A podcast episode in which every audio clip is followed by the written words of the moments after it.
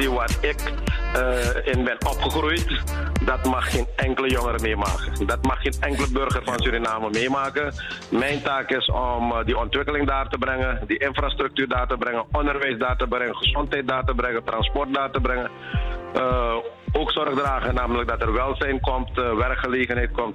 Dat is wat mij uh, motiveert. En elke dag als ik zie dat er één persoon is in wie ik identificeer uh, dat in een soortgelijke situatie zit als toen ik erin zat, dat zal me elke dag motiveren om te werken, zodat hij ook die kans krijgt om datgene te worden wat ik vandaag geworden ben. Ik ben Jurgen Rijman. En ik ben Benito Doelwijd. Welkom bij een nieuwe aflevering van Wij in de Toekomst. De podcastserie waarin we mensen willen aanzetten om uit het looprad van de werkweek te stappen. Want ja, hoe kunnen we duurzamer met onszelf en de maatschappij omgaan? En ja, wat hebben we nodig in die toekomst? Ja, we praten hierover met mensen uit de top van het bedrijfsleven, de polder en de politiek. Maar voor we verder gaan naar onze gast van vandaag, moet ik even het volgende nog meedelen. Wij in de Toekomst wordt mede mogelijk gemaakt door Hofman. Ze kijken daar met een veiligheidsbril naar werken in de toekomst. Want kwaadwillenden vinden steeds weer nieuwe manieren om bedrijven te schaden. Bij Hofman weten ze dat. En ze zetten hun expertise in om de beveiliging van bedrijven toekomstbestendig te houden. Eventuele technische gaten in de beveiliging te dichten. En ze helpen medewerkers om veilig te handelen. Vandaag hebben we een hele bijzondere gast. En we zijn super trots dat we in de gelegenheid hebben om hem uh, vragen te stellen over zijn visie. Het is iemand waar we ons erg verbonden mee voelen. Ondanks dat hij fysiek ver van ons afstaat. Uh, we hebben beide onze roots in Suriname, Jurgen. En uh, de crisis in Suriname gaat ons aan het hart. Onze gast trof zijn land aan in diepe crisis. Uh, hij kreeg er ook nog een erfenis bij, wat uh, de vooruitgang toch ook bemoeilijkt. Toch laat het dit alles hem niet weerhouden om, er, uh, om zijn schouders eronder te zetten. Ja, volgens mij, Jurgen, weet je al over wie we het hebben, toch? Natuurlijk. We praten over Jan Santokki, de president van de Republiek Suriname. Deze man is voormalig politiecommissaris en sinds 2011 ook de voorzitter van de Verenigde Hervormingspartij, de VHP. Hij groeide op op het platteland. Hij is een districtsjongen, zoals hij dat zelf zegt, en heeft naast zijn VWO-diploma de politieacademie in Nederland doorlopen. Terug in Suriname heeft hij bij de politie gewerkt, waar hij uiteindelijk commissaris werd. En in 2005 werd hij minister van Justitie en Politie onder het derde bewind van Ronald Venetiaan. Hij stond bekend om zijn harde aanpak van de criminaliteit. Zijn bijnaam, de sheriff. En nu is er really a new sheriff in town, want sinds juli 2020 is hij de president van Suriname. Jurgen, wat, wat is voor ons de belangrijkste redenen geweest om hem uh, als gast te vragen voor dit programma? Nou, ik denk dat het verwarm. Ik heb graag wat ik graag van hem wil horen van uh, ja, hoe denkt hij dit land uh, vooruit te trekken? Wat gaat hij doen? En hoe gaat hij die erfenis vooral wegwerken? En wat is zijn visie over de toekomst? Het visie over onderwijs bijvoorbeeld. Hoe gaat hij, welke sectoren zijn belangrijk voor hem in de toekomst? Ja, en ik, en ik wat ik van hem graag, graag van hem zou willen weten, is dat Suriname, daar, daar zijn nu volop kansen. Maar hoe gaat hij ervoor zorgen dat internationale investeerders Suriname zien als een kans en niet als een bedreiging. Dus hoe zit het met corruptie? Hoe gaat hij ervoor zorgen dat je daar naartoe kan om te gaan ondernemen en dat de wet en regelgeving dat ook ondersteunt? Ja, kortom, hoe gaat hij een veilig klimaat uh, creëren voor investeerders uit het buitenland en hoe trekt de Suriname weer uit het slop?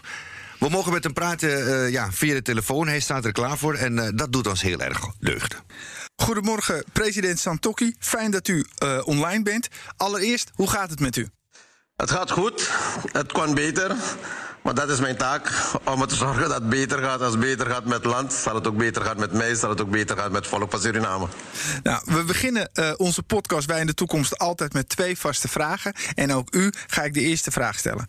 Van welk werkgerelateerd onderwerp ligt u momenteel het meeste wakker?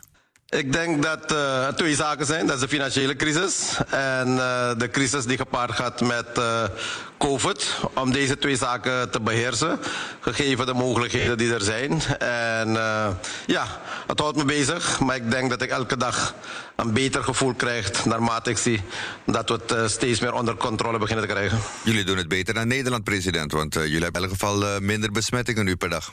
Dat is wel uh, zo, maar wij kijken ook naar de ontwikkelingen mondiaal. We checken ook uh, welke de maatregelen zijn die andere landen treffen. We kijken met name ook uh, hoe Nederland doet. Dat ging een tijdje heel goed. Maar ja, op een gegeven moment probeert elk land een stukje balans te zoeken. Tussen enerzijds de COVID onder controle zien te krijgen en anderzijds de maatschappij weer op gang te laten komen, de economie weer op gang te laten komen. En ik denk dat daar het misgaat. Dat de juiste balans nog niet gevonden kan worden. Wij proberen die balans ook hier uh, te zoeken. Het gaat met uh, ja, vrij, vrij strakke maatregelen. Wel protocollen voor de verschillende instituten, voor de verschillende sectoren, voor de verschillende bedrijven. Uh, maar ja, dan zie je weer namelijk dat er een piek ontstaat op Apura. Dan moet je snel Apura uh, ja. afsluiten en isoleren.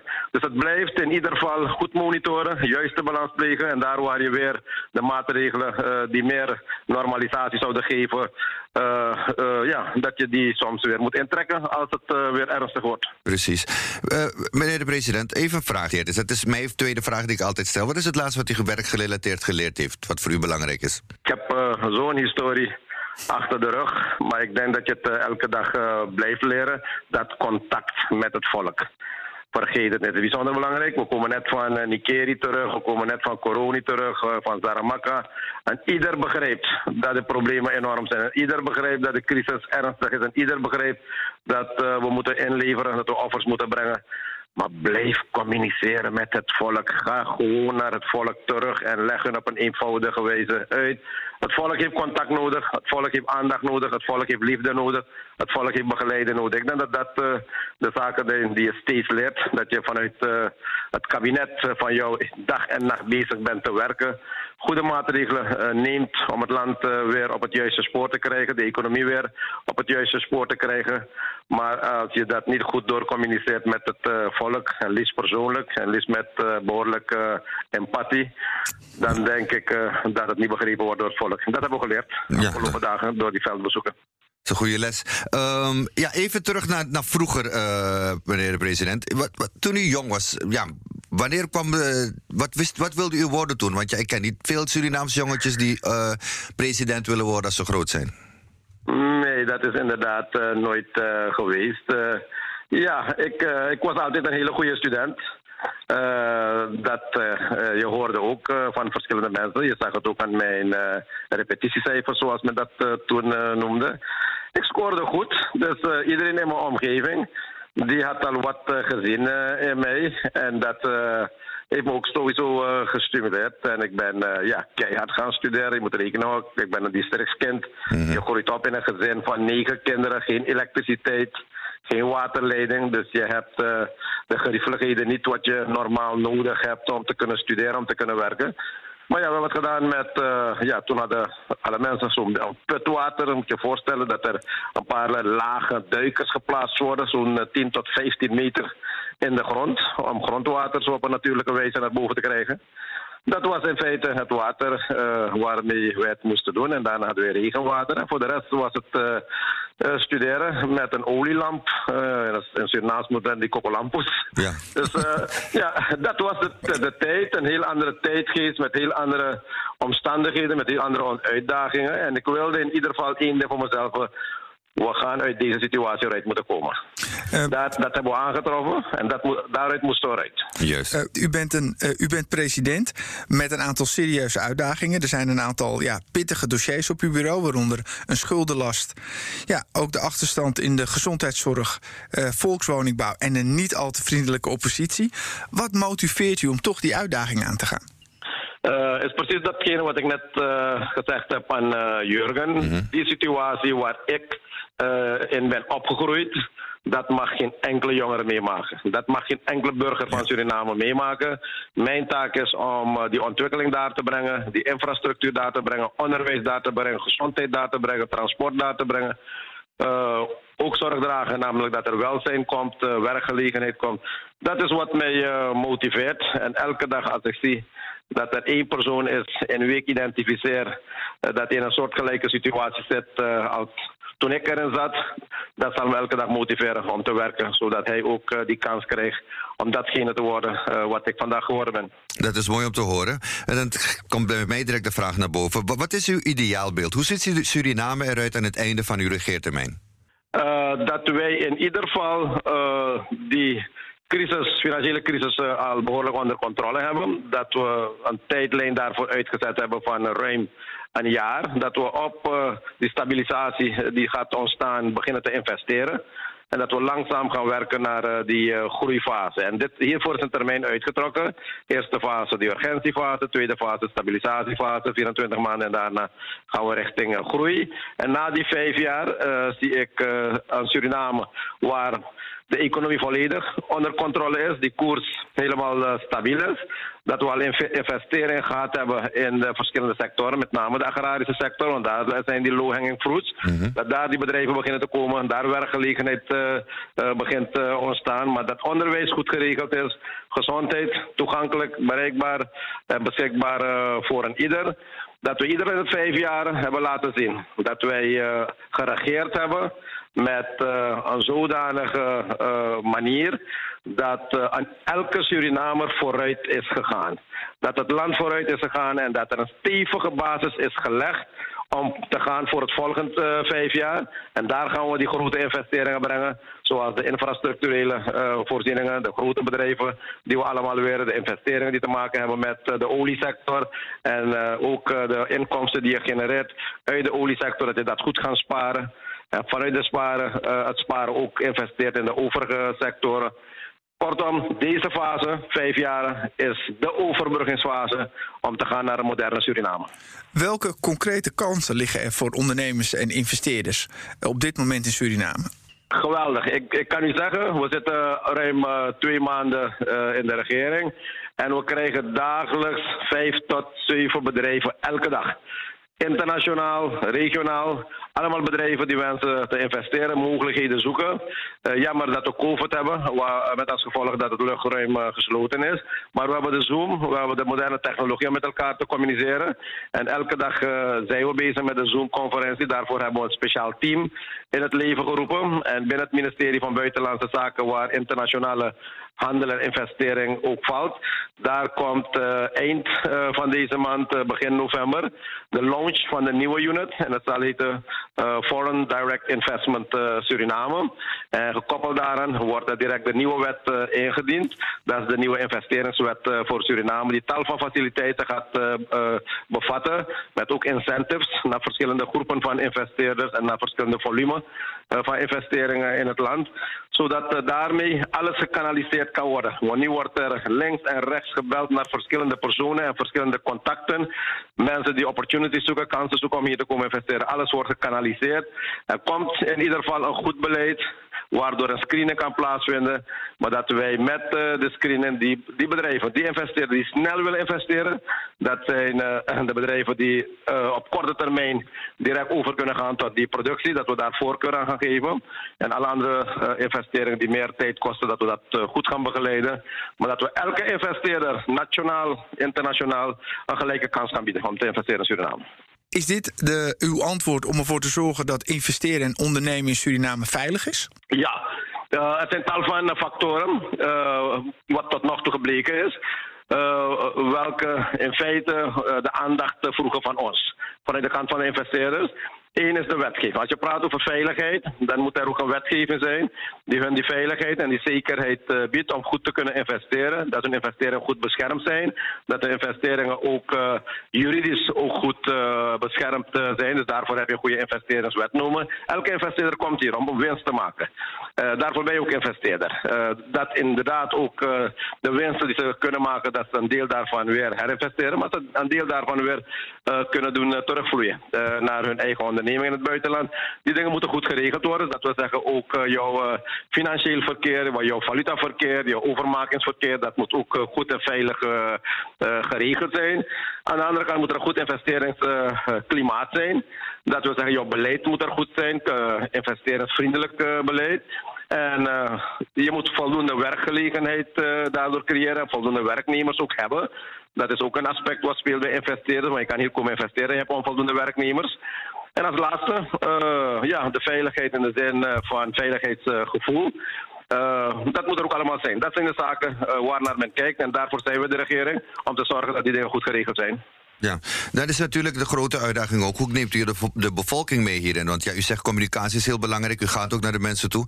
Maar ja, we merken ook dat er heel wat mensen zijn die denken dat je op een knop kan drukken en dat de situatie direct weer genormaliseerd is zoals het zou moeten zijn. Ja, uh, dat is inderdaad uh, het gevoel uh, in de samenleving. Daarvoor hebben we inderdaad ook goede communicatie met hen nodig. Maar aan de andere kant moet u niet vergeten dat we een zware campagne gevoerd hebben. Een hele zware campagne tegen de regering, tegen het regeerbeleid, tegen het one-beleid, tegen de corruptie. En tegelijkertijd hebben we aan de samenleving ook oplossingen gepresenteerd.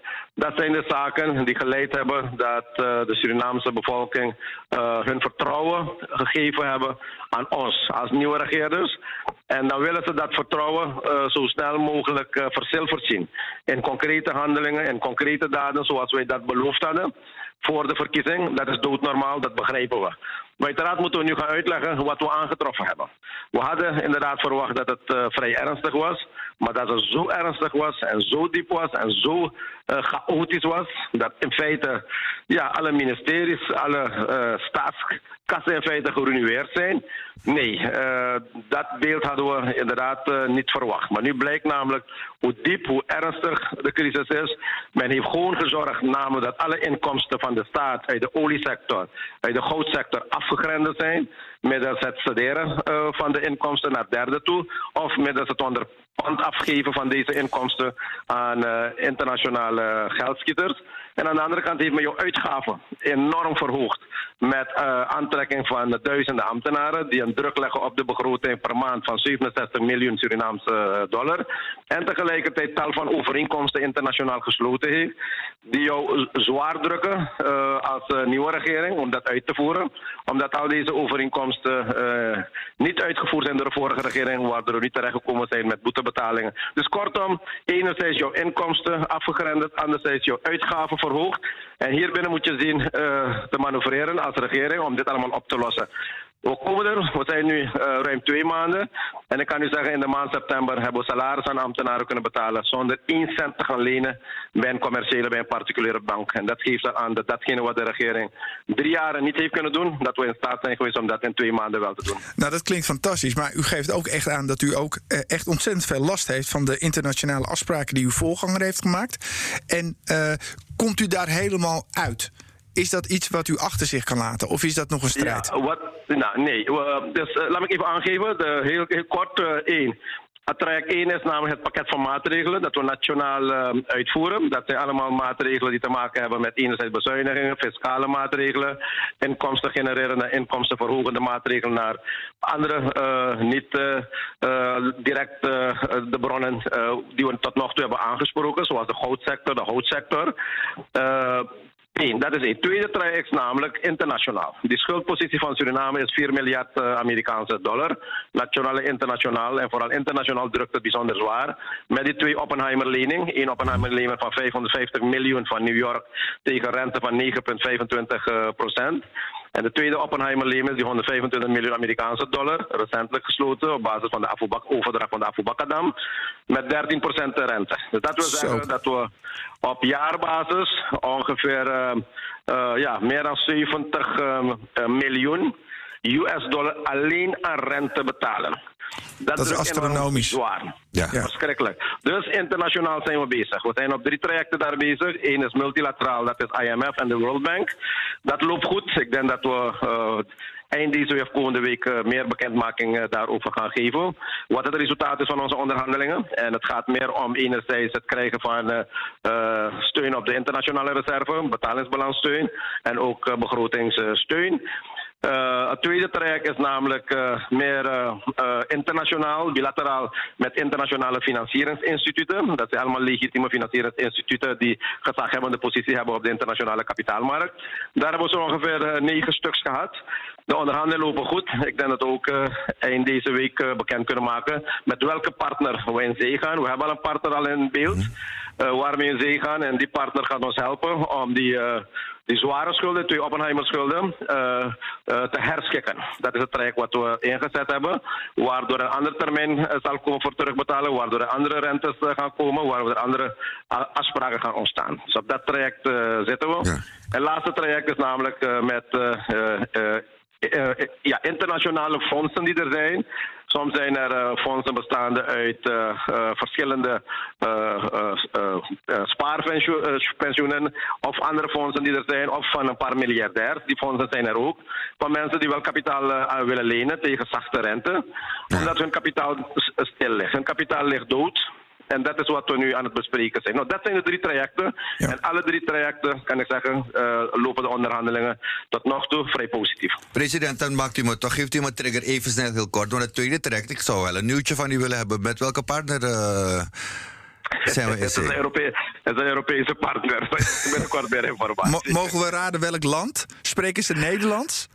Eh, het is, het is, het is eh, een land niet ver van Nederland, maar de- in dat bedrijf zijn er ook eh, andere Europese, eh, laat mij zeggen, eh, aandeelhouders, Amerikaanse aandeelhouders en gezaghebbende instituten.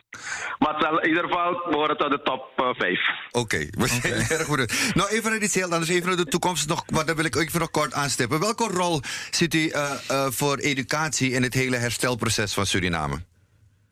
Educatie is eh, bijzonder belangrijk en COVID laat ons zien, namelijk dat al die tijd er geweldige kansen voor eh, Suriname lagen.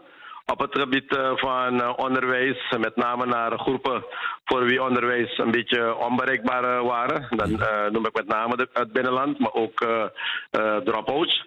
Eh, het, zijn, studenten die drop-outs geworden zijn, niet omdat ze de kennis niet hebben, omdat ze geen zin hadden om te studeren, maar het waren gewoon eh, kinderen die meer tijd nodig hadden voor begeleiding.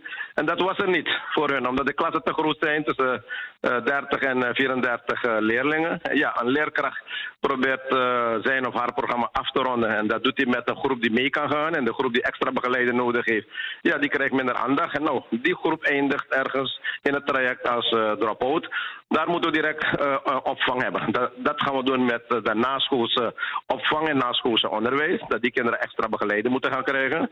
Uiteraard kan niet ieder mee in het eh, regulier onderwijssysteem tot eh, HBO of tot eh, bachelor of eh, universiteit. Er is een hele grote groep die direct eh, dan eh, eh, marktgericht bezig willen zijn. En daar moet je zo snel mogelijk ontwikkelen. Dat is marktgericht onderwijs, beroepsonderwijs. Om direct eh, eh, jongeren die niet eh, naar de ja, eh, middelbare school kunnen of niet eh, naar eh, de VOJ-school kunnen.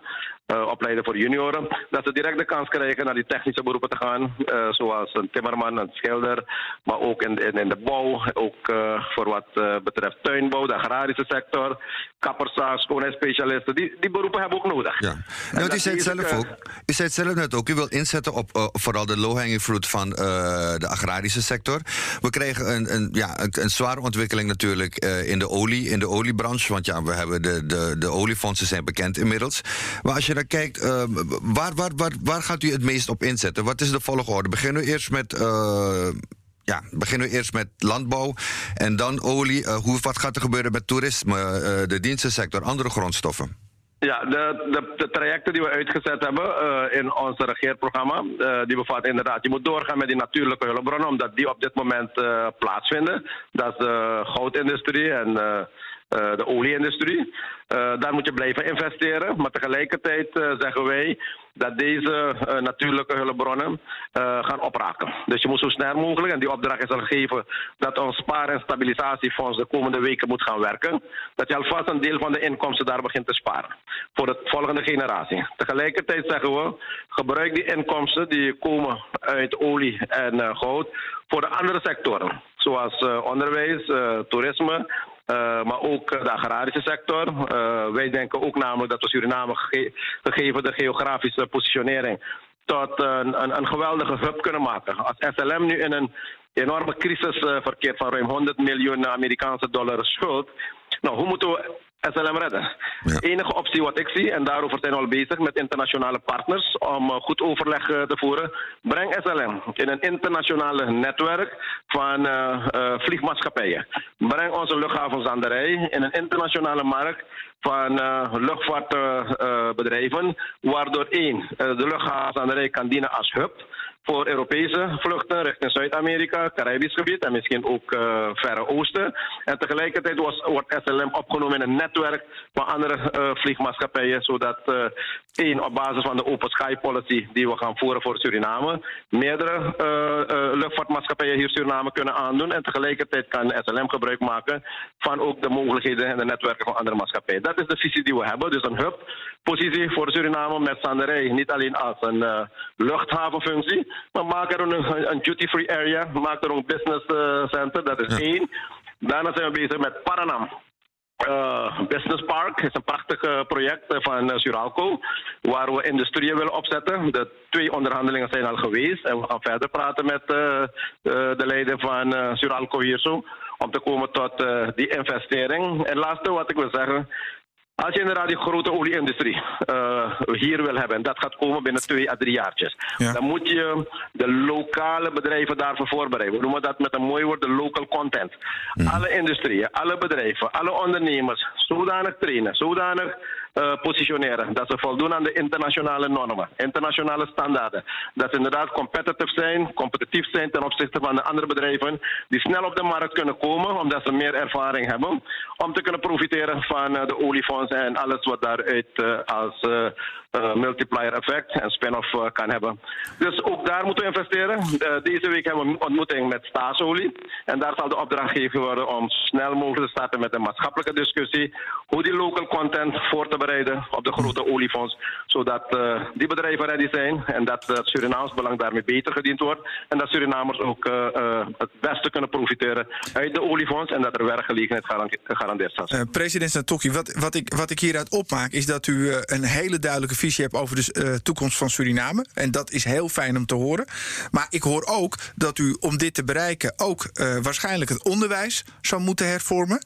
En dat u ook behoefte zal hebben de komende jaren aan uh, ja, toch een hoop mensen die een bijdrage willen leveren aan de heropbouw van Suriname. Wilt u die mensen ook halen uit het, uit het buitenland? Bijvoorbeeld Nederlandse Surinamers die zijn vertrokken of andere mensen? Ja, onderwijs zien we als een instrument om die lange termijn doelen te gaan halen. Dus als we weten inderdaad dat die olieindustrie daar uh, op gang komt, de agrarische industrie, toerisme-industrie, ICT-business, dan zal jouw onderwijs daarop moeten worden afgestemd.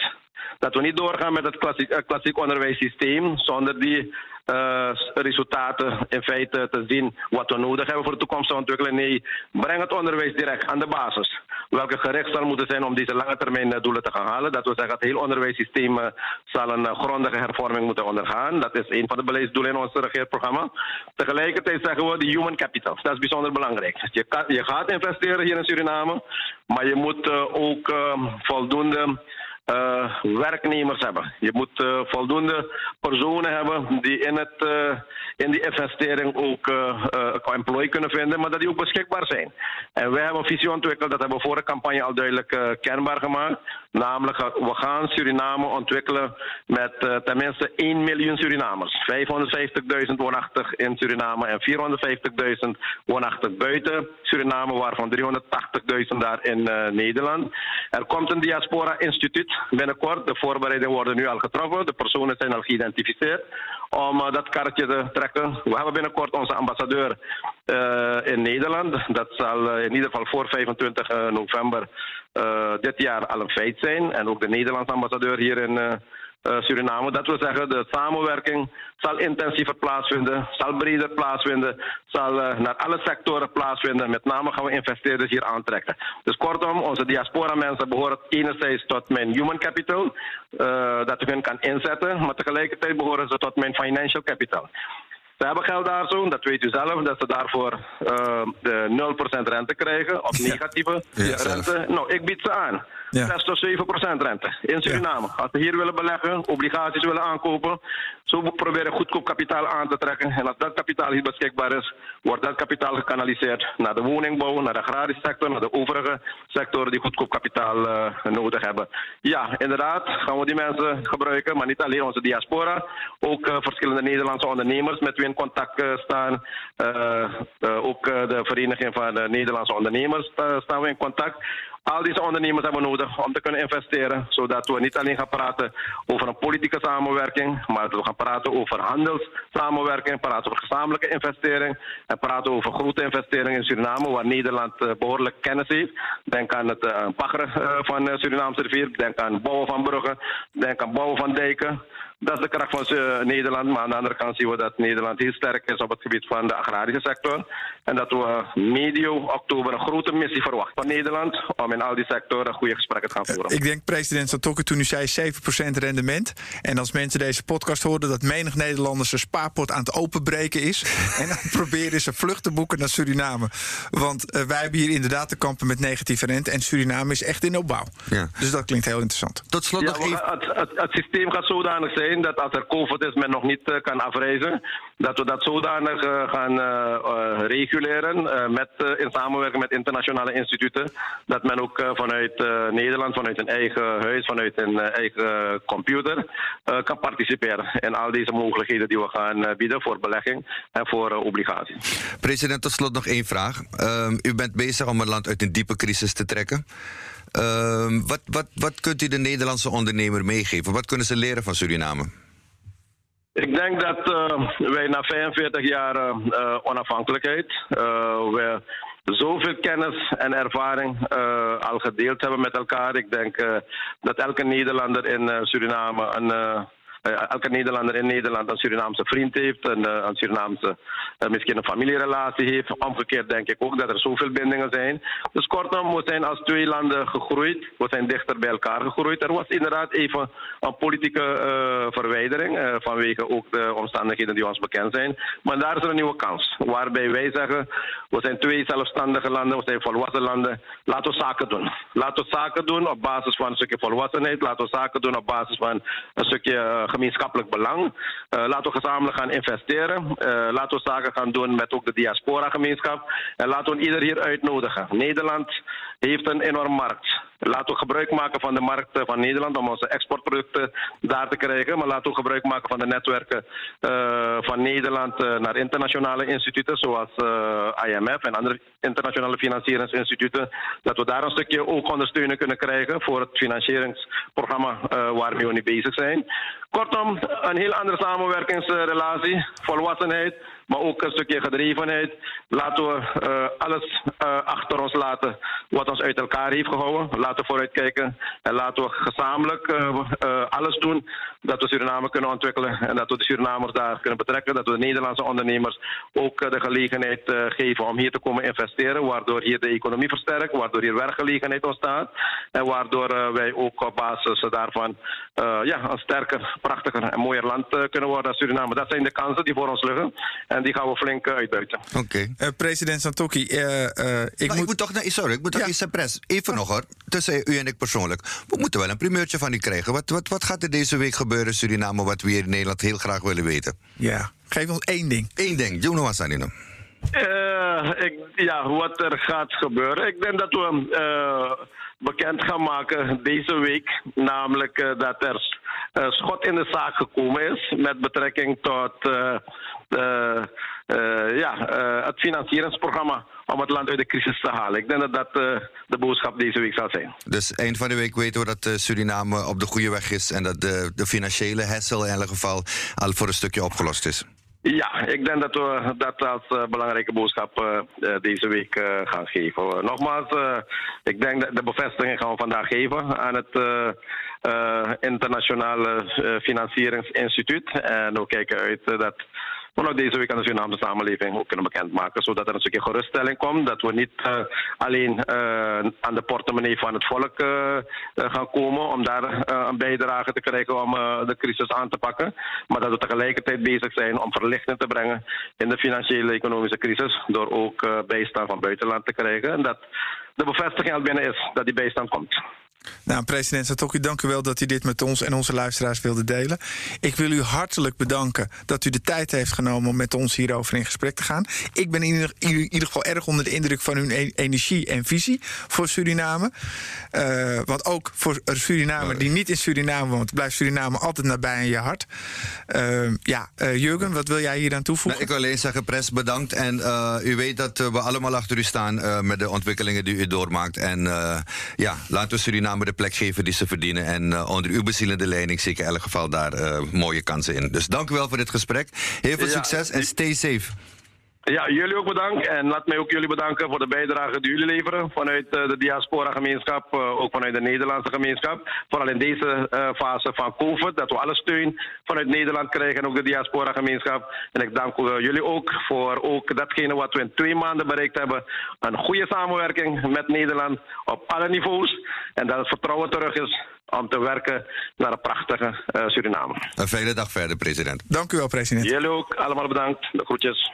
Nou, weet je, ik heb één ding met deze man benieuwd, als ik eerlijk mag zeggen. Um, hij heeft wel een enthousiasme om u tegen te zeggen. Met alle shit die hij daar heeft aangetroffen en die hij over zich heen krijgt, heeft hij wel een enthousiasme om u tegen te zeggen. Nou, ik moet eerlijk zeggen, voor het interview was ik heel kritisch. Uh, maar uh, ja, het is een echte politicus. Uh, maar hij heeft wel over heel veel dingen nagedacht. En een van de dingen waar ik heel enthousiast over werd, is dat hij zei: van wij gaan, hou je vast, de opbrengsten uit de olieindustrie gaan we sparen. Ja. Hoe fijn zou het zijn als Suriname het geld, hè, want het is enorm winstpositie, gaat sparen en heel goed na gaat denken over die investeringen. Dan heeft Suriname enorme kansen. En daar heeft hij over nagedacht. Ik denk dat dat heel goed nieuws is. Ja, absoluut. Het Spaar- en Stabiliteitsfonds, wat u noemde, dat is echt iets waar uh, Suriname. Je ziet het ook dat dit bijvoorbeeld Noorwegen ook gedaan met de inkomsten. Dat doen ze ook met de inkomsten uit de olieindustrie. Dus ja, als ze dat volgens het Noorse model kunnen doen daar in Suriname, zie ik uh, zeker kansen liggen. En wat, wat, wat ik vooral, waar ik vooral heel blij mee ben, is dat. Um, Um, hij de, ja, de agrarische sector weer oppikt. Want daar liggen er zoveel kansen. We zeggen altijd, als je een stok in de grond steekt in Suriname, groeien er bladeren uit. Ja. Dus daar liggen er sowieso kansen. Hij noemde het ook het low-hanging fruit. Ja, en toerisme, alle andere sectoren komen erachteraan. En hij heeft ook een hele mooie visie op onderwijs. Die jongeren, die drop-outs die hij noemde, die zijn een groot probleem in Suriname. En als hij die gaat aanpakken, ja, dat geeft mij alleen maar hoop voor de toekomst. Nou, en ik denk aan de ene kant dat er, als er deze week bekend komt dat ze een oplossing hebben voor de enorme schuldenlast. En de afspraken uit het verleden, dat ze die uh, uh, uh, ja, dat ze dat opnieuw hebben ingericht met een uh, normale internationale partij met fatsoenlijke afspraken, dan is dat een enorme doorbraak. Want als je je schulden hebt geherfinancierd tegen reële rentes, nou, dan denk ik dan uh, ja, heb je wat meer grip op de toekomst. Ja, nou, dames en heren, dit was een Wij in de Toekomst, de podcast waarin wij, Jurgen Rijmen en Benito Doel, wij proberen Nederland te bewegen om mee te denken over werken en ontwikkelen in de toekomst. En vraag niet alleen maar Nederland, maar ook Suriname, zoals u het hoorde. Voor een positieve toekomst van werkend Nederland en nu ook een beetje Suriname dus. Wil je meer horen? Ga dan naar www.bnr.nl bij in de toekomst, de BNR-app of je favoriete podcastplatform. Hey, uh, tot de volgende keer. Tot de volgende keer. Hoi.